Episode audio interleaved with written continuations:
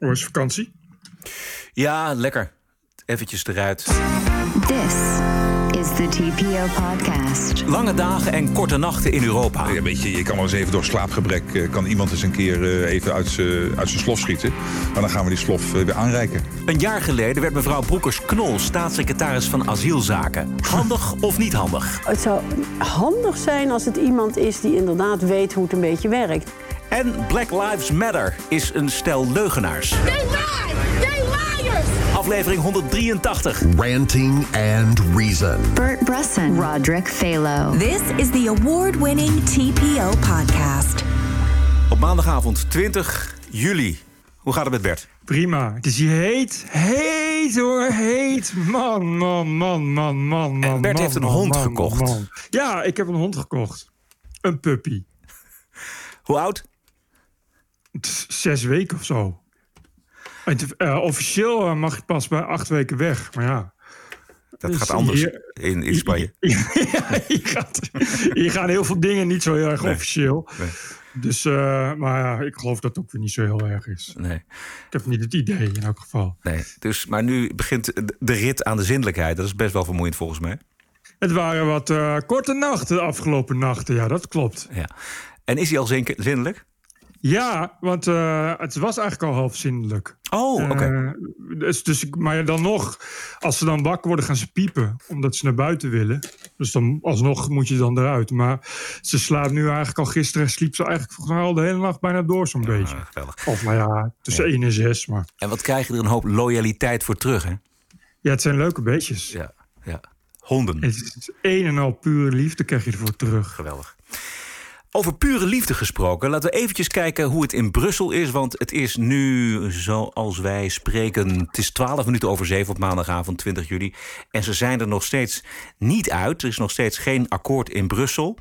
Maar ik heb begrepen dat Rutte wel van leningen aan Italië best giften wil maken. Maar alleen onder de voorwaarde dat er eindelijk eens hervormd wordt in Italië. Nou, de kans daarop is denk ik nul, omdat dat namelijk al 40 jaar lang geprobeerd wordt. Hervormingen doorvoeren in Italië.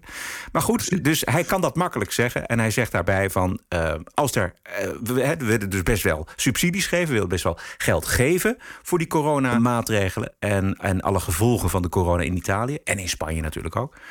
Maar dan willen we wel dat er hervormd wordt in het land. Met de controle dat als er niet hervormd wordt, dat dan de geldkraan dicht kan. We hebben als Nederland gezegd, wij zijn bereid om de brug te nemen van eh, leningen naar subsidies.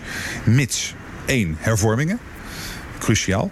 En dat moet dus allemaal goed worden vastgenageld. En twee, dat die hervormingen ook kunnen worden afgedwongen... door middel van eh, een, een, een positie van de Raad, hè, dus de ministers in Europa... zodanig dat die doorslaggevend is. Met dat laatste bedoelt hij dus dat niet de Europese Commissie daarover gaat en dat beoordeelt. Ja. Want dat, dat, dat wordt, dat, dat wordt, die beoordeling dat is nog nooit gelukt. Maar dat er dus de ministers van de landen, een, eh, van die 27 lidstaten, ieder een vetorecht hebben dat als het misgaat, of als ze vinden dat het misgaat, dat dan die geldkraan gewoon dichtgaat. Dus dat is wel een ijzersterke positie, vind ik, van Rutte. Ik dacht van eh, Nederland, Nederland zal wel meteen gaan liggen en bukken. Als het eh, een beetje druk wordt opgevoerd door de Italianen en, eh, en de Spanjaarden. Maar ik dit is dan toch nog wel netjes gedaan eigenlijk. Zo, Ru- Rutte toont zich hier toch wel een redelijke onderhandelaar. Nou, zo dat, wil ik wel zeggen. Ja, er zijn natuurlijk allerlei sceptische mensen, met name uit populistische hoek, ook hier in Nederland, die zeggen dat hij zal buigen en barsten. Maar dat zie ik hem niet, niet doen. Ik bedoel, er wordt onderhandeld, dus uiteindelijk zal er iets van water bij de wijn komen. Maar ze zijn al vier dagen bezig, hè? En hij komt flink onder druk. Ook van eh, de populistische vrienden in Hongarije. Dit is Viktor Orban. if the deal is blocked, it's not because of me, but because of the Dutch guy. Because he initiated something. So I don't like blame game. But the Dutch man is the real responsible man. Ja. De, de, de Dutch guy. Ik zou geen ruzie willen met Orbán. Ah, Want het gaat namelijk ook natuurlijk over de rechtsstaat in eh, Europa. En daar eh, vindt eh, Rutte Juist. Orbán op zijn, op zijn weg. Ja, ik, eh, zullen we nog één keer luisteren naar waar het nou Rutte precies om te doen is? Want dit zijn volgens mij de allerbelangrijkste zaken. De inhoud zitten er voor ons een paar hele belangrijke dingen in. En dat is eh, het punt van de eh, kortingen. Op, en, en nogmaals, daar, daar is een stap gezet, maar we zijn er nog niet. Maar echt heel belangrijk dat solidariteit, ja, van landen die nu wat meer in de eigen begroting kunnen vrijmaken om de crisis te bestrijden, richting landen die dat wat minder kunnen. Maar dan omgekeerd wel de vraag aan die landen doen we nou alles aan om het de volgende keer zelf te kunnen oplossen. En dat zijn hervormingen. In de arbeidsmarkt, in de pensioenen. Ik vind, kijk, een prima eis. En hij doet het heel goed dat hij nu, nu na vier dagen uh, nog zijn rug recht houdt. En ik lees ook dat uh, een hoop mensen behoorlijk zagrijnig van hem worden. Wat toch uh, nieuw is voor Nederland, zou ik bij haast willen zeggen. Ja. Normaal is dat toch altijd het braafste jongetje van de hele Europese klas. Dus dat is heel goed. Maar ja, weet je, ik, wat je, je zei het net ook al. De, volgens mij de, de, laatste keer dat hervormingen waren in Italië was onder Mussolini of zo. Maar doe, doe. In, Spanje, in Spanje onder Franco. Weet je, wat, wat, ik zie dat niet zo snel gebeuren. Want je kan het dan wel zeggen. Weet je, en dan gaat het dan controleren. Ja, oké. Okay. Maar nou, volgens mij zeggen die landen: nee, oké, okay, gaan we doen. Ja. En, en, en dan ja, zien we dan wel weer. Nee. En wij hebben in Nederland eigenlijk geen idee, geen benul... wat er in die zuidelijke staten, in die zuidelijke landen uh, allemaal gebeurt. En hoe groot de aversie is tegen bezuinigingen en tegen hervormingen. Want het kost allemaal geld en het kost allemaal stemmen. En vergeet niet dat Italië een enorme grijze en zwarte economie heeft. Dus dat betekent dat ze, uh, net als uh, Griekenland een, een, paar jaar geleden... een echt belastingen moeten gaan innen. Nou, dat, is, dat, ja. dat, dat, dat, dat lukt zo gewoon niet. Maar ook bijvoorbeeld in een land als Frankrijk... Um, is het woord bezuinigen, uh, mij wel eens verteld door een correspondent uh, daar. Dat woord bezuinigen is, is een, ja, dat is vloek in de kerk. Yep. En je ziet het ook aan die Macron. Die Macron is uh, nou, al uh, toch al enige tijd president van, van Frankrijk. En hij heeft eigenlijk gezegd van, aan het begin van zijn termijn... van ik ga nu echt hervormen. Ja, dat gaat gewoon niet lukken. Kleis Jager, correspondent van Trouw, die twitterde... Ja. Macron is uitgeregeerd. Die WW-hervormingen en die hervormingen in de pensioenen in Frankrijk... dat lukt niet. In Frankrijk gaan mensen nog gewoon op, met 58 jaar met pensioen.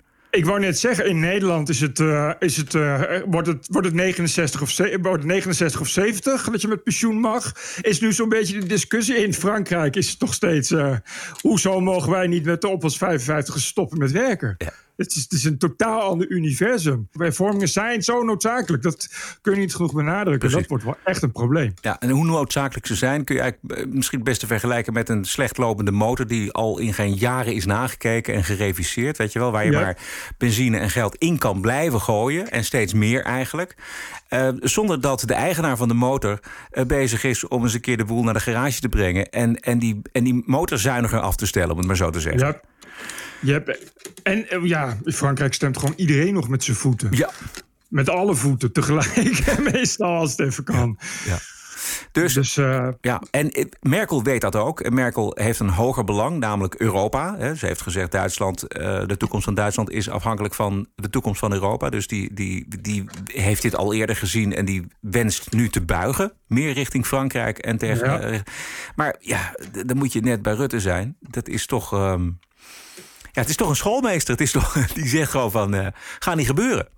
Ja, en dus uh, eigenlijk bijna een unicum voor het eerst... dat iedereen in Nederland daar, of iedereen, maar dat we het wel een beetje met elkaar eens zijn daarover. Uh, normaal is het, is, is het grote, uh, grote publieke debat het omgekeerde van wat Rutte wil. Maar nu lijkt het toch wel een beetje op dat hij die volkswil meebrengt. Ja, dat is waar. Ik heb ook van niet het idee dat, dat, dat veel mensen nou... Daar, om staan te springen. Uh, nee, behalve in de geld uh, over te maken. Nee, behalve in de journalistiek en in de politiek. Ja. Ik hoorde vanavond nog Caroline de Gruiter van NRC Handelsblad... die gewoon oh. zegt van ja, Rutte maakt een hoop kapot in Europa. Oh, en je ziet, de. Ja, en je ziet het natuurlijk ook in de politiek. Hè. GroenLinks is fel tegenstander van de houding van Rutte. En niet te vergeten natuurlijk coalitiepartij D66. Ik bedoel, als wij Sigrid Kaag hadden gehad... dan was dit nooit voorgekomen. Ja, wat, maar het is gewoon zo slecht te verkopen. We hebben natuurlijk, uh, we, hebben, we hebben natuurlijk onszelf, uh, ja. uh, onszelf verkocht aan Griekenland destijds. En dat was toch onder een PvdA-minister. Dus ja, nu is het toch aan de VVD om daar, om daar, om, om de VVD-premier, om daar iets beters te doen. Want anders krijg je het gewoon niet meer weg bij de mensen. Nee. Je krijgt het opnieuw, opnieuw weg. Ze, je, dan krijg je weer, ja, nee. Maar het is, het, is, het is een lening, het komt allemaal terug, echt waar. En zo, ja, maar hoela. Ja. Er is niemand die daar nog, uh, nog, nog in gelooft natuurlijk. Nee, precies. Als je geen miljard over hebt voor hogere uh, salarissen verpleegsters... Als, je dat, als dat niet lukt, dan kun je niet verkopen om zomaar een miljard Exact. of twee, of drie, vier, vijf miljard eh, over te boeken aan de rekeningen.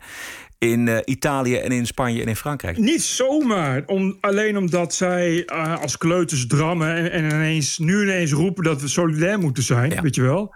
Ik, heb, ik kan me niet herinneren dat we ooit veel hebben gehoord van Spanje en Italië. eh, qua solidariteit. Of dat we daar ooit veel aan hebben gehad. En nu komt zo. Oh, Europa, belangrijk, solidariteit. Ja, tja, maar het- niet zomaar. Precies. Dat is, dat is dus het punt. Dat hebben we in Griekenland gezien. Dat, dat was leuk, maar niet nog een keer. Nee. Het moet solidariteit, dat vergeten mensen wel eens, maar dat is, het moet toch twee kanten op gaan. Hè? Je, moet, ja. Ja. je kunt niet alleen maar solidair zijn met iemand die zijn hand ophoudt. Die ander moet dan ook solidair zijn naar jou door iets te doen aan eh, bijvoorbeeld eh, economische hervormingen. Gek is dat, hè? In Nederland, de, de mensen die, die het hardste schreeuwen over solidariteit... begrijpen volgens mij niet zo heel goed wat solidariteit inhoudt. Nee. Het is altijd een soort, soort verkapt socialisme... van jij moet mij helpen en jouw geld aan mij afstaan. Ja. Pardon, pardon? ja, dat solidariteit. Dat, eh, dat moet in dit prachtige land. En volgens mij is solidariteit is daar een wederkerigheid, zeg maar. Wij samen. Solidair is, is samen. Dus dat is een gesloten kring. Niet een open kring waar de, waar de stroom één richting op gaat. Ja, dat willen ze Heel wel gek is dat, heel Ja. gek. Goed, eh, nou, mocht het tijdens deze uitzending nog eh, veranderen en er iets gebeuren, een wonder in Brussel, dan zullen we dat eh, zeker melden. Oh, ik heb nog één aardig eh, dingetje, namelijk Rutte staat natuurlijk inderdaad, zoals gezegd, heel erg onder druk van Jan en Alleman. En dit is hoe die daar eh, nachten van wakker ligt. Nou, Wat vind je van al die verwijten? ah, kan me niet zo schelen. Ik ben hier hard aan het werk voor de belangen van de Nederlandse burgers. Eh, die zijn overigens nauw verbonden natuurlijk ook met een sterk Europees belang. Eh, en dan neem ik maar even op de koop toe de commentaren. Ik kan me daar niet door laten afleiden. Blijft toch een gewone jongen uit Benoordenhout in Den Haag. This is the TPO podcast. Er is, Bert, geen lid van dit kabinet die zo samenvalt met het mislukte beleid van haar ministerie als de op en top falende staatssecretaris Ankie Broekers-Knol. Het was eh, de bedoeling dat zij als Eerste Kamervoorzitter geruisloos en schadevrij haar pensioen zou binnenrollen. eh, tot de jonge staatssecretaris Mark Harbers werd genaaid door zijn ambtenaren. Die eh, doodslag en poging tot moord door asielzoekers wegmoffelde in de categorie overig kattenkwaad. Harbers eruit, Broekers Knol erin. Helaas voor de samenleving heeft Knol geen verstand van zaken, van asielzaken. Of om het in haar eigen woorden te zeggen, Het zou handig zijn als het iemand is die inderdaad weet hoe het een beetje werkt. En dit is, is dit opgenomen dat, eh, op het moment dat ze, dat ze- tegen haar spiegel praat? Of eh, Ja. wat is dit? Ja, zoiets.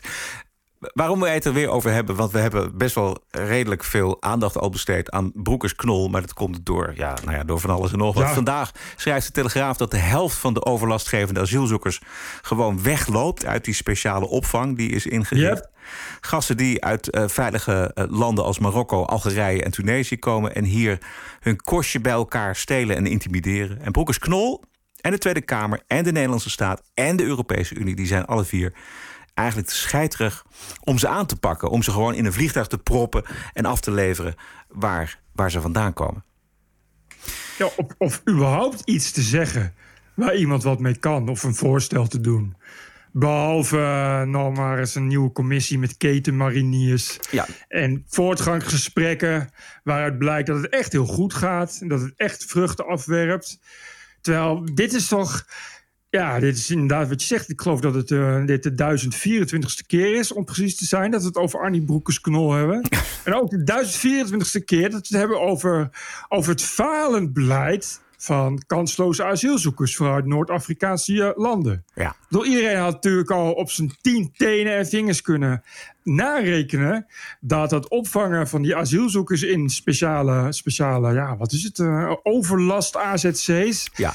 dat het natuurlijk precies hetzelfde weer gaat zijn. Want nu de helft is dus weg en ze weten ook niet waar die heen gaan. Die verdwijnen in de illegaliteit. Ja. Samen met die andere duizenden die per jaar verdwijnen in de illegaliteit. Ja, en die gaan dan of naar België of naar Duitsland. En dan komen ze een halfjaartje weer terug. En dan gaan ze het weer Juist. hier eh, uitproberen. En de gedachte is, en dat, dat vind ik dan weer typisch. ehm, ja, de goedheid van de Nederlandse samenleving. Het grote verschil, het cultuurverschil met waar deze jongens vandaan komen. Is namelijk dat ze zeggen: oké, we gaan het nu. Dan gaan jullie hard aanpakken. Je krijgt dus een soort van opvang waar je wel in en uit mag, maar daar moet je blijven. Dat is een hele vervelende opvang, want daar krijg je lik op stuk of zo. Dat, dat idee. En als je daar ontsnapt of als je dat niet doet, dan mag je niet terug naar het gewone AZC. Als je wel op orde blijft, dan mag je wel naar het gewone AZC na een bepaald verloop van tijd. Maar goed, ja, als die jongens een streng regime krijgen en ze kunnen in en uitlopen, dan gaan ze daar natuurlijk gewoon weg. Ja, dat is dan ook. Als je, als je wegloopt, mag je niet naar AZC. Oké, okay, toedeledokie. We gaan naar Amsterdam, maar dan krijgen we van Rutte Groot Wassing krijgen we mooie, uh, mooie uh, authentieke antieke panden. Die worden ingericht als, uh, als opvangplekken.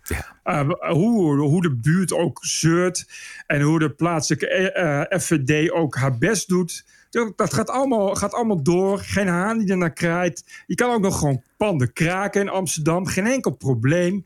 De burgemeester die, ja, heeft niet zoveel van zin om, uh, om de wetten dan te gaan naleven. Dus je wordt toch niet zomaar ontruimd. Dus ja, ik begrijp die, uh, die jongens wel, die asielzoekers. Die hebben nog niet echt dat ze nou een, een keus wordt voorgelegd... waarvan ze rillend wakker worden, denk ik. Uh, er zit iets raars in die berichtgeving. Die, want ik heb eventjes nog gekeken naar wat er wordt gezegd door de gemeente.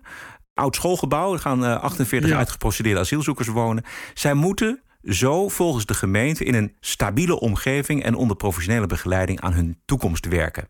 Dat, en op, nu, nu komt het.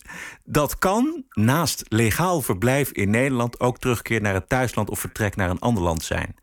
Maar de, ja, we hebben het hier over uitgeprocedeerde asielzoekers. Dat zijn ja. illegalen. Want je bent uitgeprocedeerd. Ja. Je, je, krijgt geen asiel. Dus je moet weg. Dus hoe kan je nou een legaal verblijf in Nederland nastreven?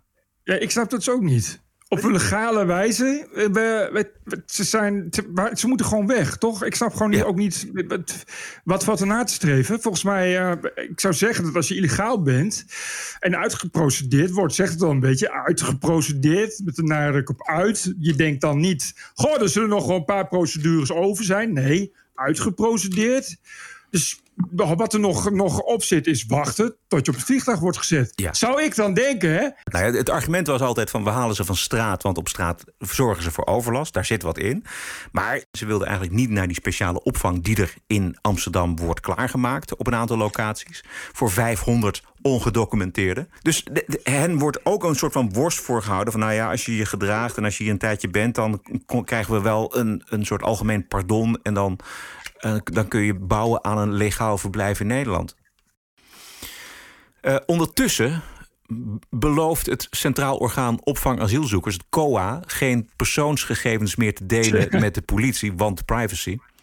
Uh, blijkbaar deelde het COA die gegevens. Uh, behalve over de verwarde Soedanese asielzoeker Abdallah A., die op 19 april een 18-jarige fietser uit Os doodstak die zaak die loopt nu en juist het delen van persoonsgegevens had het leven van die fietser bespaard.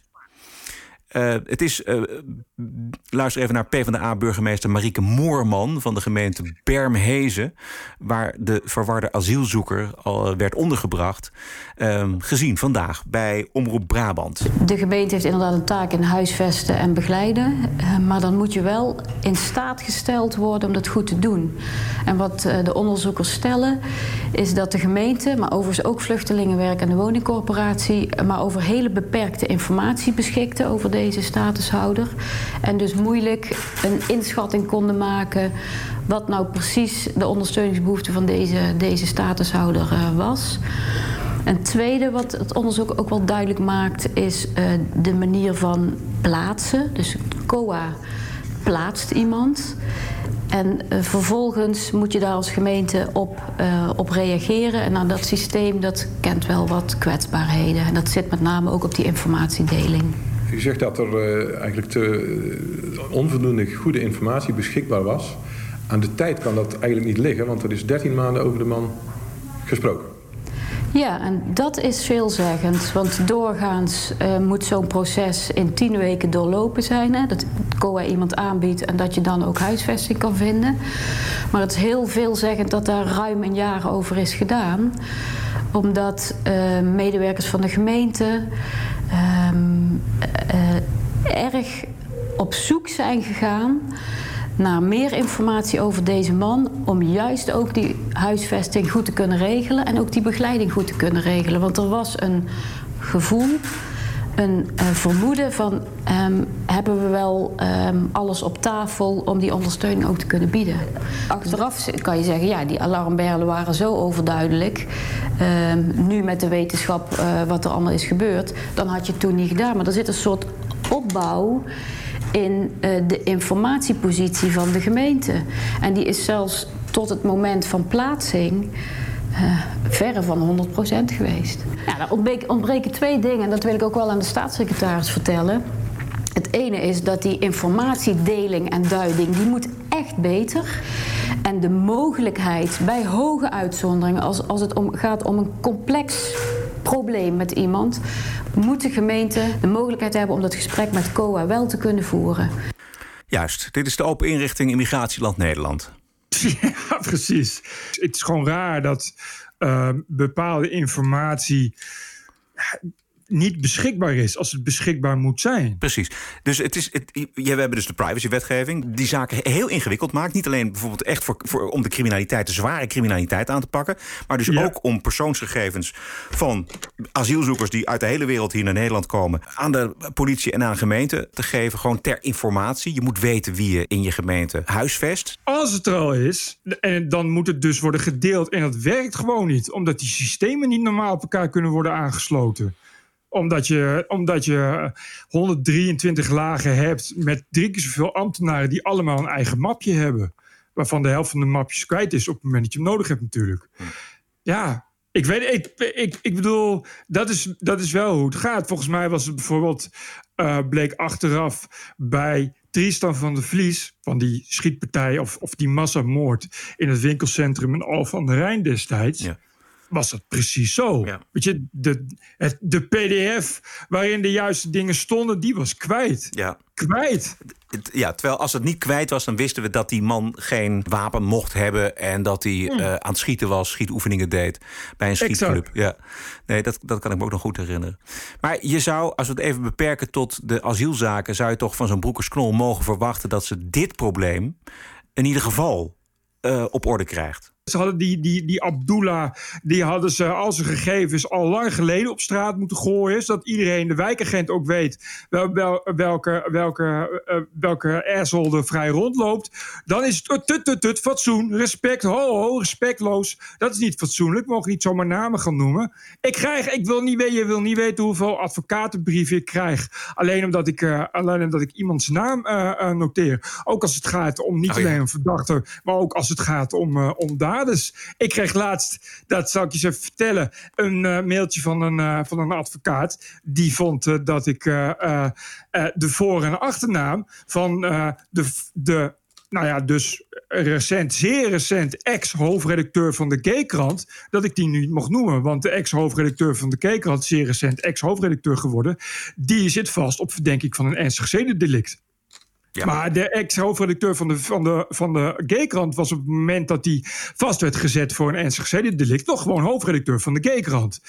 Dus dan ga je naar gkrant.nl en dan zie je, hey, de naam van de hoofdredacteur is Dinges Dinges. Ik ben even zijn naam kwijt. Het is niet dat ik hier heel politiek correct, maar het gaat me ook niet echt per se om die naam. Dan krijg je een mailtje van een advocaat, zou je alleen de voorletters willen gebruiken? Nou, denk je toch, nou, advocaat, ik wil best, als ik het heb over een clown en een, en een acrobaat, uh, de heren B en A opschrijven. Het, het, het uh, clowns en acrobaat duo B en A. Weet je, dat wil ik best doen. Maar ik denk dat dat een beetje hypocriet is. Ik denk ook dat mensen dan zeggen: Oh, dat zullen Bassie en Adriaan wel, niet zijn, potverdomme. Want iedereen weet wie B en A met een clown en een acrobaat zijn. Dus ik wil best uh, PB opschrijven, hoofdredacteur van de Gaykrant. Maar dan weet iedereen: Oh, dat is die van de Gaykrant. Weet je? Ja. En dat is hoe het gaat. En niet één keer. Ik heb al, uh, al meerdere. Mijn, mijn vrouw uh, is ex-advocaat, dus die handelt dat dan af. Dat, want je weet, in de advocatuur gaat het met intimiderende blafbriefjes. Ja, ja. En zij stuurt dan een intimiderend blafbriefje terug. Meestal schrikt ze daarvan, dat ze denken dat jij geen intimiderend blafbriefje terugschrijft. Maar goed, dat tezijde. Uh, Weet je, daar, daar krijg, je, krijg je mensen die, die zeggen... ja, je hebt uh, alleen de voornaam gebruikt. En de initialen, dat is toch gewoon vrij normaal. Weet je, de voornaam en de initialen... dat doet zo'n beetje iedereen in de pers. Nog wel, moet ik zeggen, nog wel. Dat zal in de toekomst ook wel veranderen. En dan krijg je daar een mailtje van. Of je ook even de voornaam wegbehalen. Want ja, hij heeft een bijzondere voornaam. En dit is een kleine buurt. En dan uh, door die bijzondere voornaam... weet iedereen over wie het gaat. Ja, is dat mijn fout? Of, uh, of, of wat? Wat denk je als ze zeggen... de Nederlandse ex-blogger en podcastmaker BB op Gran Canaria? Weet je dat mensen zeggen... nou, dat zal uh, Bertus Bakker dan wel zijn. Wat, wat moet ik dan zeggen? Ja, wil je misschien alleen... Maar wat je dan ziet... Is, is dat je gaat googlen en dan zie je dat al die media... die het tien minuten geleden nog hadden... ook zo'n mailtje van de advocaat hebben gekregen... en meteen hop weghalen. Ja. Meteen. Ja. Tien minuten op, halen ze weer weg. En het is zo'n laffe hap, dat soort lui. Ik vind het echt... Ik vind, en ik, ik blijf erbij, en ik, vind het, ik, ik begrijp dat het heel kut is als je verdachte bent. Maar ik vind, zeker als het om, om bekende mensen gaat, dus om, om een hoofdredacteur van een, of andere courant, dat je dan, dat mensen gewoon uh, recht hebben op, op, namen, op man en paard. En ik, ik wil graag, als, als ik in een woonwijk zou wonen met kinderen, zou ik heel erg graag willen weten, als een, uh, een pedo op proefverlof, als die in mijn, in mijn woonwijk komt wonen. Ja, nee, dat begrijp ik. Als, als, een pedo als proefverlof, dat denk ik ook. Maar uh, als iemand verdachte is, ben je dan niet te snel? Ja, ik, ik, ik bedoel, natuurlijk, uh, een verdachte is geen schuldige. Maar ja, zoals ik zeg, kijk, het gaat om bekende mensen. En je wil gewoon weten wat er speelt. En, en als je dan besluit om dat niet te doen, zeg dan niks. Maar ga niet voorletters gebruiken. Al helemaal niet. Weet je, iedereen weet wel wie dat is. Je zit nu nog steeds uh, kranten in Nederland, Volkskrant, en NRC en Radio 1, op, nou, die hele MSM, die gebruiken nog steeds consequent voor Volkert van de Graaf, Volkert van de G en Mohammed B voor Mohammed Bouyeri. Ja. En Michael P. Iedereen, ook. Michael P. Ja. Iedereen weet toch wie dat zijn? Ja. Daar, daar, is toch niet, daar ga je toch niet zeggen van ja, maar het is heel belangrijk. Het is moraal en uh, moeten de rechtsstaat uh, moeten we ophouden en anders dan. Ja, flikker toch op, man. Iedereen weet wie dat is. Ja. Daar, dat, dat is toch, toch, dat is toch, toch uiteindelijk is het gewoon een beetje ranzig proberen te deugen. En ik denk dat nou, als ik slachtoffer was, of nabestaande van de slachtoffer, zou ik ook graag gewoon zijn volledige naam in de krant willen zien. Hetzelfde geldt voor balkjes. in Groot-Brittannië bijvoorbeeld is het heel normaal om volledig namen en volledige foto's ja, te plaatsen. Je hebt, uh, uh, ik geloof, Manchester Evening, Evening News. Die plaatst gewoon elke week alle verdachten die die week zijn binnengekomen bij het politiebureau. Ja. Inclusief mugshots en naam en woonplaats en zo. Weet je, dus wel, dat gaat wel heel ver. Ik bedoel, je, hoeft het, je hoeft het niet te doen. Maar ik, ik, ik, ben, uh, ja, ik ben wel altijd voorstander ook van, van dat soort... Ja, Amerika doen ze het ook. Je, het eerste wat je weet is wie het is. Waar die vandaan komt, dan hop, mugshot. Ze kennen daar geen balkjes in elk geval.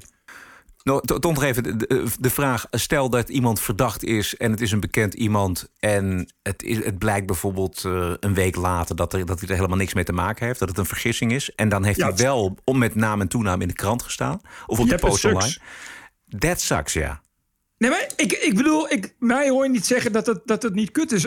Maar het punt is dat het de hele rechtssysteem, dat het in de openbaarheid geschiet. En je, wat je dan moet doen, is dat je dingen echt geheim moet gaan houden. Maar dat gebeurt dus ook niet. Want je, het is dus een openbaar proces. Oh ja, jouw punt is dat het hypocriet is. Dat, dat je wel ja. kan raden wie dat kan zijn. Dus waarom zou je met afkortingen komen? Het, het punt is dat het, dat het dat het een openbare aangelegenheid is en dat burgers, verstandige burgers, uh, uh, het recht hebben om te weten wat er in hun, hun omgeving speelt. Ja.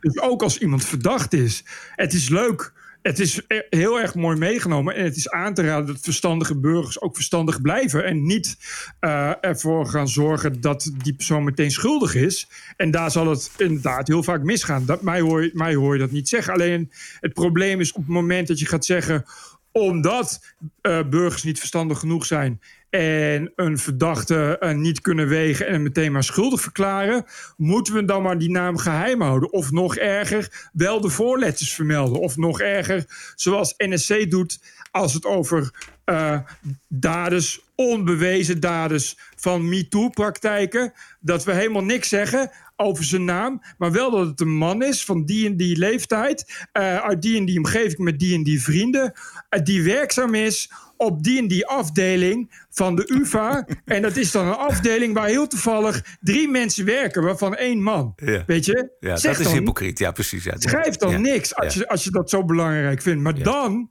is het ineens weer niet belangrijk. Dan moet het op een stieke manier dat iedereen het weet. Ja. This is the TPO podcast. Ja, en this is your woke week. Voorheen de Angsthazen Galerij. We hebben er toch wel weer een eh, aantal eh, de revue zien passeren. Eh, Bert, eh, ehm, als ik van wal mag steken. Ga je gang. De Britse krant The Times die schrijft vandaag dat de Britse politie binnenkort de term islamist en jihadist in de ban gaat doen als er sprake is van een terreuraanval door moslim-extremisten. Gekeken wordt naar alternatieven als terroristen die religieuze motieven misbruiken. Terrorist abusing religious motivations. Of aanhangers van de ideologie van Osama bin Laden. Nou, en laat nou die ideologie net de islam zijn. Ik las het en ik kon er alleen nog maar om lachen.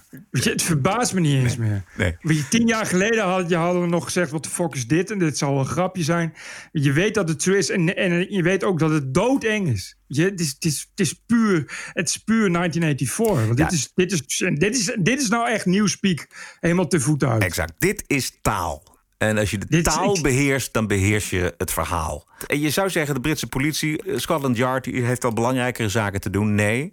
Er is Nee. daar iemand in het bestuur, of ze hebben een. eh, waarschijnlijk hebben ze ook een soort van diversiteitscursus gehad. In Groot-Brittannië heb je al echt ook al heel lang echt, echt oprechte gedachtenpolitie en zo. Die, die Twitter, Twitters controleren en eh, dan aan de deur komen en dat soort dingen. Dus daar echt, ik weet niet of er onderzoek naar is gedaan, maar in sommige gevallen lijkt het erop dat er, er worden wel echt inderdaad eh, mensen opgepakt en bestraft voor eh, quote unquote hate crimes. Weet je, Ja. en die hebben dan iets gezegd wat niet mag. Eh, terwijl eh, op hetzelfde moment eh, worden de jongeren er neergestoken en zo en dat soort dingen. Er gebeurt niks mee. Maar hoe werkt dat dan? Gaat het woord moslim-extremist dan in de ban of zo? In het, wordt het in het wetboek van strafrecht gezegd van nou, daar mag je, dat mag je dus niet meer zeggen? Nee, Of nee, dat is, jihadist? nee, maar kijk, hier, hier raak je een belangrijk punt. Eh, het punt is dus dat dit soort dingen gebeuren dus allemaal buiten de, buiten de wet en de grondwet om. Dat is, dat, is dus, dat is dus het punt. Het komt in geen enkel wetboek. En was het maar zo, want dan kun je het controleren. En dan kun je mensen op aanspreken. Sterker nog, dan kun je gaan zeggen van... nou ja, als dit in het wetboek komt, ik ben, hier, ik ben het hier niet mee eens. Ik, Ja. wil, hier, ik wil hier bezwaar tegen maken. Dus op basis waarvan komt de politie dan aan jouw deur? De politie komt niet in je, aan je... Ja, in dit geval komt de politie niet aan je deur. En dat, in, in het andere geval komt de politie aan je deur vanwege hate crime. Ja. Ja, maar dat, dat staat dan wel gewoon in de wet. Alleen het is dan heel slecht gedefinieerd. Want wat is een hate crime? En dan kom je bij een rechter en die zegt dan eh, niet zelf van... tja, ik heb geen idee eh, wat, ik, wat, ik, eh, wat, ik hier dan, wat ik hiervan moet vinden. Maar dat, en, maar dat je straf ontloopt is leuk en aardig. Maar dan heb je alweer in voorarrest gezeten... en je buren hebben gezien dat je bent weggevoerd met... Oké, dus de manier van intimideren. ja, exact. Ja. Dat is het hele punt. In Nederland is het ook al eens gebeurd. Hè? Dat, dat politie aan de deur kwam bij mensen die tegen asielzoekerscentra waren en zo. Ja, op grond van welke wet? Ja, op nul wet, op nul gronden. Maar dat maakt niet uit. Op het moment dat de politie aan je deur komt, is, is dat signaal van we weten waar je mee bezig bent, is natuurlijk al gegeven. Ja. En in dit geval van die ont, ontislamisering van woorden, dat komt in geen, enkel, in geen enkel wetboek. En dat is het erge, want je ziet nu, de- nu komen ze in Groot-Brittannië en je weet al dat dit gaat doorgevoerd worden. Dus over, over twee weken schrijft The Guardian in een voorpagina artikel dat ze voortaan, dat ze voortaan het woord islam niet meer gaan gebruiken, Ja. maar dus terroristen met een terroristen met een, met een overtuiging, gaat het dan heten, zoiets? Of terroristen die aanhanger zijn van het netwerk van Bin Laden. Ja. Dat, dat, dat, en dan wordt dat terrorist met een kleine letter en aanhanger van Bin Laden met een hoofdletter of zoiets. Dat soort, dat soort gelul. Maar je weet dat het dan twee weken daarna komt het in het stijlboek van, van de Associated ja, Press. ja. En drie weken daarna, dan schrijft de Volkskrant ook ineens. eh, Sorry, we gaan geen. Je weet hoe het gaat. Ja. Dat, zo, gaat zo gaat het tot nu toe. Zo is het ook gegaan met, met, met, met blank en, en, eh, en, eh, en, en wit. Wit, ja. ja. De New York Times schrijft nu zwart, standaard met een hoofdletter. Ja. Wat, ook, wat heel raar is, want het is geen taalkundige regel. Zwart is geen, weet je, dat, dat, dat heeft geen hoofdletter. Omdat het dat geen regel is om dat een hoofdletter te geven. Dat maakt niet uit. We bedenken gewoon onze eigen taalregel. Ja. En je weet nu al, je weet nu al dat NSC en Volkskrant straks volgen. Die gaan dat precies zo doen. Um, ik heb nog die Andrew Sullivan. Die... Ja, ik ook. Oké. Okay. Uh, ik zal even heel kort vertellen. Britse columnist Andrew Sullivan die heeft afgelopen vrijdag ontslag genomen bij de New York Magazine. Omdat het overgrote deel van zijn collega's uh, niet meer met hem wilde werken vanwege zijn kritiek op de cancel culture en die hele woke-revolutie. En nou komt het weer. Zelfs het verblijven in dezelfde virtuele ruimte met hem werd door collega's als schadelijk ervaren.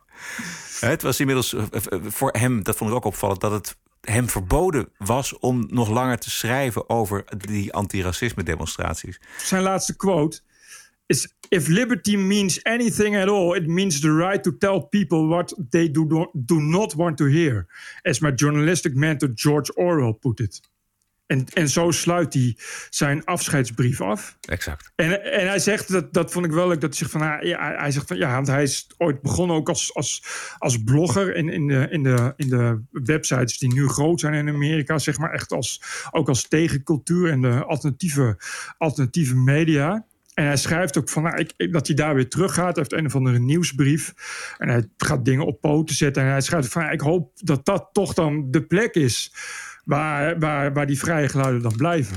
Bert, we gaan uh, waarderen en doneren. De TPO-podcast. Een eigenzinnige kijk op het nieuws en de nieuwsmedia. Elke dinsdag, elke week, het hele jaar door. Zonder reclame, zonder een cent subsidie. 100% onafhankelijk. Wat is het jou waard? Word lid van de TPO-tribe. Kies zelf een bedrag of kies 52 euro per jaar. En dat is maar 1 euro per week. De TPO-podcast. Wat is het je waard? Ga naar tpo.nl slash podcast. En wil je je donatie toelichten of heb je commentaar of suggesties? Ons e-mailadres is info.tpo.nl. We hebben zo meteen een anonieme mail die Precies. lang en interessant is. Maar misschien kunnen we eerst eventjes naar wat donaties kijken, Bert. Het is zomervakantie, dus ik heb er maar twee. Oh, ja, uh, en, en, de, en, de lange, en de lange anonieme mail. Dit is, uh, dit is uh, niet anoniem, is Joep Winters. Joep Winters schrijft... Beste Roderick en Bert, zojuist mijn derde donatie gedaan... omdat ik vind dat dit zeldzaam kritische geluid moet blijven bestaan. Ik volg jullie inmiddels bijna een jaar... en raad jullie aan vele vrienden en familie aan... Maar al te vaak betrap ik me erop dat ik hardop lach om Bert's ongezouten mening... waarop mijn vriendin en dochtertje, dochtertje me dan meewarig aankijken. Jullie show is een van de lichtpuntjes in deze soms bijzonder somber stemmende tijden. Heel veel succes en ga zo door. Graag wat groot karma voor de vorm. Groeten, Joep Winters. Dit is ook iemand die luistert naar de No Agenda Show. En daar, ah, is, daar, ja, daar is Goat Karma. Is het, uh, een, een, is een bekend verzoek. Oké, okay. de, tweede is kort maar krachtig van Peter Bakker. Peter Bakker uit Den Haag. De liefde van de heren Brussen en Velo is mij wel 52 euro waard. Punt. Prachtig. Bedankt, Peter Bakker. Dankjewel, Peter. Ja, en dan kregen Bert en ik een mooie anonieme brief. Jij mag hem voorlezen, Bert. Oké, beste Bert en Roderick. In de vorige podcast vroegen jullie naar ervaringen met diversiteitstrainingen. Wellicht is het interessant te weten wat er bij mijn werkgever op diversiteitsgebied gebeurt. Het is per slot van rekening van jullie takspoed. Uh, zijn werkgever is uh, Buitenlandse Zaken, voor de duidelijkheid. Ja, het ministerie in Den Haag. Het uh, ministerie van Buitenlandse Zaken in Den Haag. Dit is een, een ambtenaar, denk ik. Voorgaande jaren organiseerde BUSA de Maand van Diversiteit en Inclusiviteit. Het was een maand vol gesprekken, workshops en lezingen over diversiteit. BUSA-ambtenaren krijgen dan alle ruimte om tijdens werktijd aan workshops mee te doen. Voorafgaand moet de ambtelijke top een training Unconscious Bias volgen. Voor de grap stuur ik jullie het programma van de vorige diversiteitsmaand mee, 2019. 31 workshops van sprekers en diversiteitsbureaus. Je ziet hoeveel tijd, aandacht en vooral geld dit kost. Een voormalig ambassadeur, dat is dus een hoge functie, is coördinator diversiteit en inclusiviteit. Ze heeft medewerkers, er is een taskforce en er zijn 40, 40 DNI Change Agents. Ja, DNI is diversiteit en uh, inclusiviteit. Exact. Naast hun normale werkzaamheden zetten deze change agents zich op allerlei manieren in voor diversiteitsbewustwording, zoals bijvoorbeeld toezien op personeelsbeleid. Het personeelsbeleid van BUSA heeft dan ook de volgende diversiteitsambities. In 2020 heeft BUSA 25% van de stagiaires een niet-westerse migratieachtergrond. 20% van de medewerkers die een vast dienstverband aangeboden krijgen, heeft een migratieachtergrond. Speciale aandacht is er voor de instroom van hoogopgeleide vluchtelingen. In 2020 moet 50% van de topfuncties gevuld zijn door vrouwen. En ook op het middenmanagementfuncties moet 50% uit vrouwen bestaan. Buza gaat jaarlijks over 13 miljard euro en er werken duizenden mensen. Nou ben ik voorstander van culturele sensitiviteit, want we zijn immers extern gericht als Buza en ik heb niks tegen een kleurrijk ministerie. Maar dan wel graag op basis van kwaliteit in plaats van op quota, ras of geslacht. De enige diversiteit die echt nodig is op Buza is diversity of thought. Een diplomaat die PVV stemt of tegen de EU is, moet ik namelijk nog tegenkomen. Wat ik altijd interessant vind, want ik heb daar een tijdje onderzoek naar gedaan, is dat dit soort diversiteitsquota en de gedachte dat we uh, diverse en inclusief moeten worden, dat wordt best wel gedeeld onder de medewerkers. Maar op het moment dat daar dus een cursus komt en dat mensen een cursus moeten gaan volgen, dan zie je heel veel weerstand. Er is heel veel onderzoek al gedaan in Amerika dat het, de effectiviteit van die cursussen uh, negatief is. Ik heb hier het programma van vorig jaar. Ja. Uh, oh, dit is, dit is 2018 overigens. Excuus, ik dacht dat het 2019 was. Uh, het is leuk om, om even wat workshops, alleen de titel al voor te lezen. Uh, bijvoorbeeld lunch met medewerkers over inclusiviteit. Balanceren tussen jezelf blijven en erbij willen horen. Inzicht in wat inclusiviteit in de dagelijkse praktijk betekent en hoe concreet met dit abstracte thema om te gaan. workshop, diversiteit, morele deugd of sleutel tot innovatie? Welke stappen kunnen we zetten om diversiteit initiatieven tot een waar succes te maken?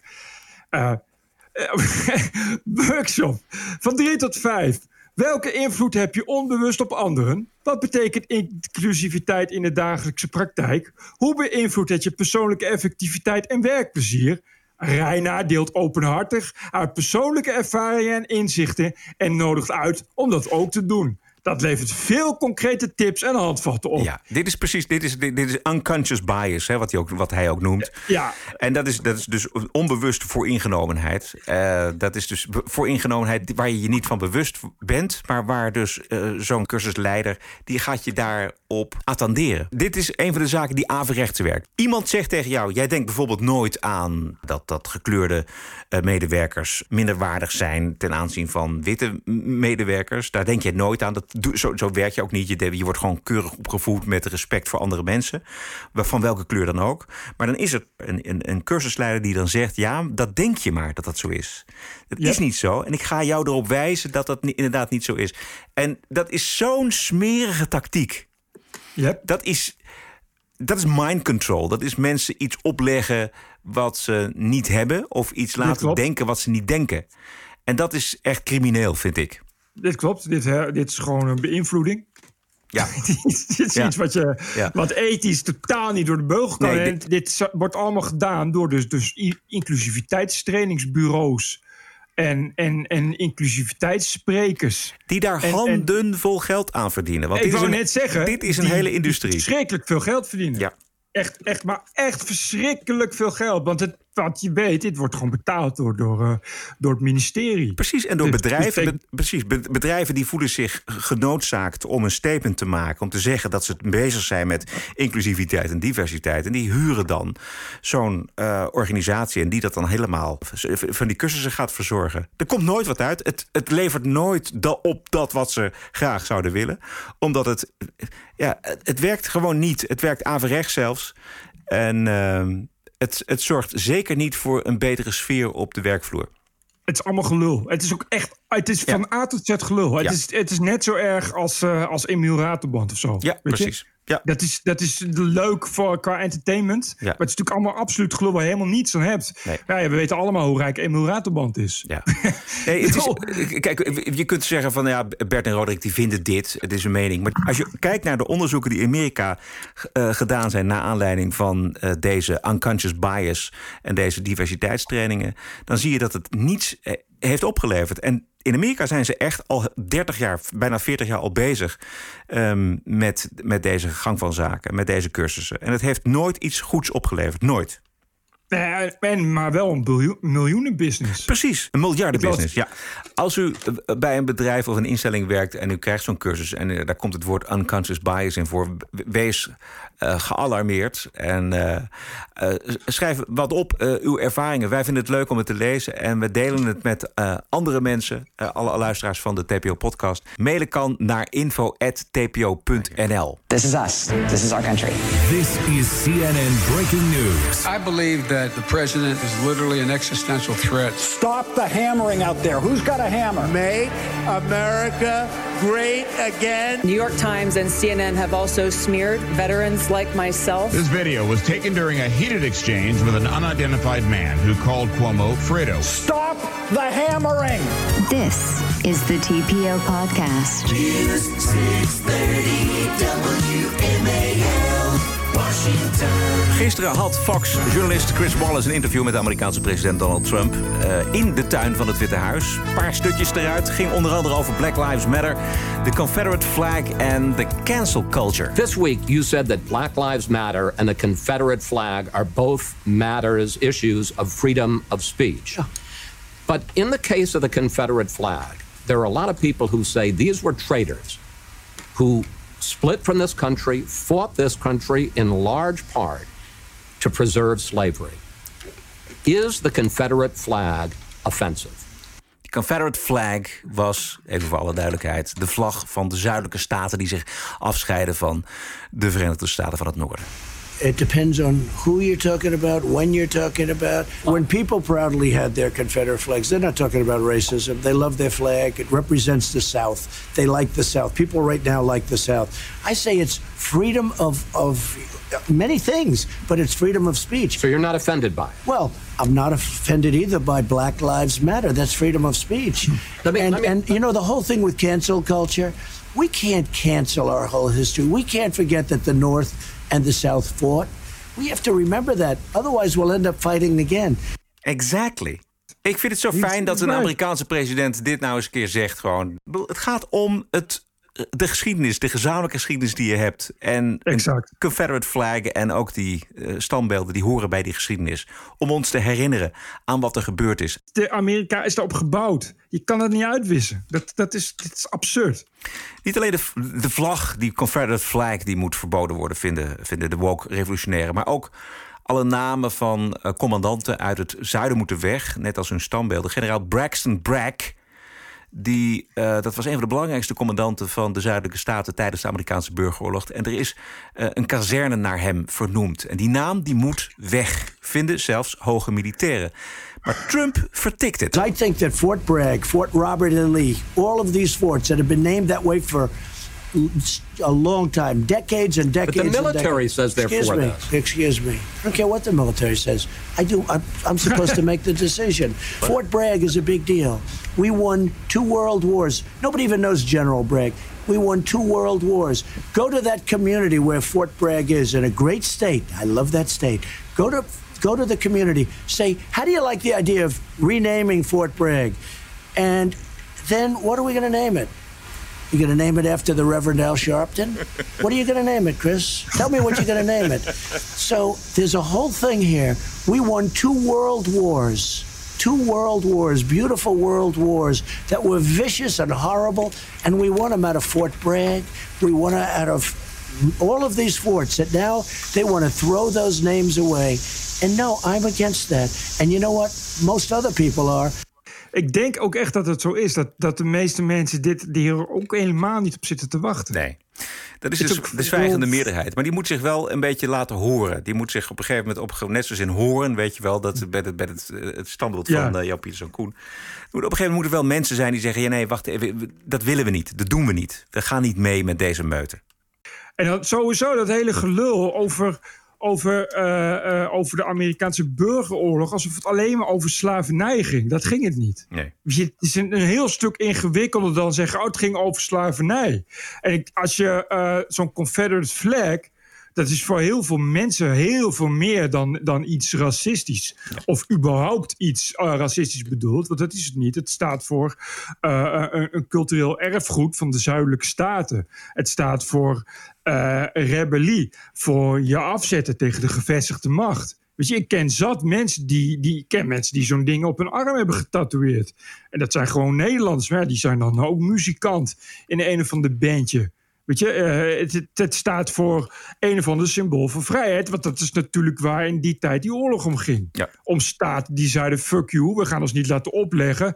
wat wij met onze plantages moeten doen. Hoe wij onze economie moeten gaan redden. En wat wij met onze tradities moeten gaan doen. Dus we scheuren ons los van zij die denken dat ze over ons kunnen deugen. Weet je, dat is waar het over gaat. Ja. En, en die, die, je kan dat niet zomaar wegpoetsen als... oh, zij waren slecht en zij waren goed... want zij waren tegen de slavernij en anderen niet. Ja, dat, ik bedoel, voor een gedeelte was die slavernij al afgeschaft... ook voor de zuidelijke staten. Maar ging het erom, hoe gaan we dat afwikkelen, om maar eens wat te noemen. En welke macht kan voor mij bepalen... hoe ik dit dan moet gaan afwikkelen? Nou, dat gaat dieper dan slavernij. Dat Ja. gaat o- over, over hoe laat je je regeren. Het is symboolpolitiek. Het is macht tonen van wij kunnen de Confederate flag kunnen we afschaffen of we kunnen die kazerne een andere naam geven. Dat is, het, is, het is echt pure machtspolitiek.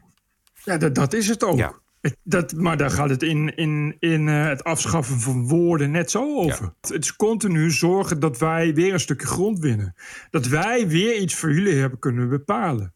Precies. Dat, het is natuurlijk niemand die wakker ligt dat Fort Bragg Fort Bragg heet. Niemand, die, nee. niemand weet überhaupt wie, wie generaal Bragg is. Dat is dan misschien iemand die dat gaat opzoeken. Dus, dus daar gaat het helemaal niet om. Nee. En het wordt de hoogste tijd dat, dat iedereen die met deze gang van zaken te maken krijgt, dat hij zich daar het, eh, dat hij weigert. Mensen moeten gewoon opstaan en zeggen: Weet je wat, Amahula. Wat misschien helpt, is dat er steeds meer duidelijk wordt over wat die beweging is, wat Black Lives Matter is, wat Antifa is, wat die hele revolutie, die hele bookrevolutie, wat dat is. Wat dat betreft komt er veel naar buiten. Vind ik goed. In Portland bijvoorbeeld heeft er een eh, federale politie eindelijk ingegrepen tegen de anarchie in die stad. Hè? En er was een, een, een interessante hearing van een zwarte politieman die de afgelopen weken oog in oog heeft gestaan met demonstranten van Antifa en van Black Lives Matter. It says something when you're at a Black Lives Matter protest. You have more minorities on the police side than you have in a violent crowd. And you have white people screaming at black officers. You have the biggest nose I've ever seen. What was it like in that capacity in the first few weeks when the fence was up around the Justice Center? I got to see folks that really do want change like the rest of us. And then I got to see those people get faded out by people that have no idea what racism is all about. Never experienced racism. That don't even know that the tactics that they are using are the same tactics that were used against my people. And they don't even know their, they don't even know the history. They don't know what they're saying. Coming from someone who graduated from PSU with a history degree, it's actually frightening. You know, they say if you don't know your history, you repeat it, and watching people do that to other people. A lot of times, someone of color, black, Hispanic, Asian, come up to the fence and directly want to talk to me. Hey, what do you think about George Floyd? What do you think about what happened about this? I go up to the fence, someone white comes up, F the police, don't talk to him. That was the most bizarre thing because I could see it coming. I even had a young African American girl uh, tell me, why is it you guys aren't talking to us? I said, uh, honestly, this is now the 20, I think it was 23rd day of doing it. Every time I try to have a conversation with someone that looks like me, someone white comes up and blocks them and tells them not to talk. It's chilling, man. Ja. En eh, weet je hoe denigerend die witte Antifa-meisjes eh, zijn naar zwarte politieagenten? Dat klinkt zo. You guys go to clown college for like 26 weeks for those oh. a hairdresser has to go to school for longer than you do. Oh, shit. Half of you don't even have a college education to be out here Talk making demands about the people. When you can't even read a fucking history book Yup. and know where you come from. But you want to sit here and tell me that you're educated enough to make demands about shit you know nothing about. Dit zijn antifa's eh, tegenover eh, zwarte politieagenten. Het is zo arrogant, het is zo walgelijk eigenlijk. Yep. Dit, dit, dit zie je niet echt op het Nationaal. Nee. Of op CNN. Nee. Nee. Ik denk dat het heel belangrijk is ook om dat soort dingen echt uit het veld te horen. Dus, weet je, die mensen die, die daar gewoon tussen staan als zwarte agent. Ja. Dat, je, dat, dat geeft veel meer weer dan, dan, eh, dan, dan de cliché-verhalen. Ehm, vorige week hadden wij nog een echtpaar in de uitzending dat is opgepakt wegens hate crime omdat ze de grote gele letters Black Lives Matter in hun straat aan het overschilderen waren, weet je nog? Ja, ja. Ehm, dit is een zwarte vrouw in New York met een pot zwarte verf over gele letters. You're lying.